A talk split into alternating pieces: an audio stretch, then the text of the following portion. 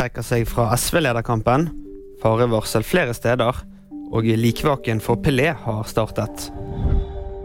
Kaski er ikke aktuell som SV-leder. Den profilerte finanspolitikeren Kari Elisabeth Kaski varsler mandag at hun må prioritere familien foran partiet. 35-åringen har for øyeblikket mammaperm fra Stortinget fram til 21.2. Nå står Kirsti Bergstø, SVs nåværende nestleder, igjen som den neste aktuelle lederkandidaten foran SVs landsmøte i mars. Det kan komme opp til 30 cm snø. Det melder Meteorologisk institutt, som har sendt ut flere farevarsler for de neste dagene. I sør og øst kan snø skape kaos på veiene. I og rundt hovedstaden kan det ventes store snømengder onsdag. De mest utfordrende kjøreforholdene vil man kunne få i fjellet, der sterk vind kan resultere i snøfokk. Pelés likvake i gang i Santos. Kisten med det avdøde fotballikonet ble båret inn på Villa Belmiro Stadium i Santos, hvor det skal holdes ett døgns likvake.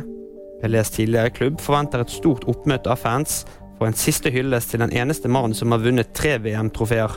Det var VG-nyhetene. De fikk du av meg, Kristoffer Gåsvær Torgersen.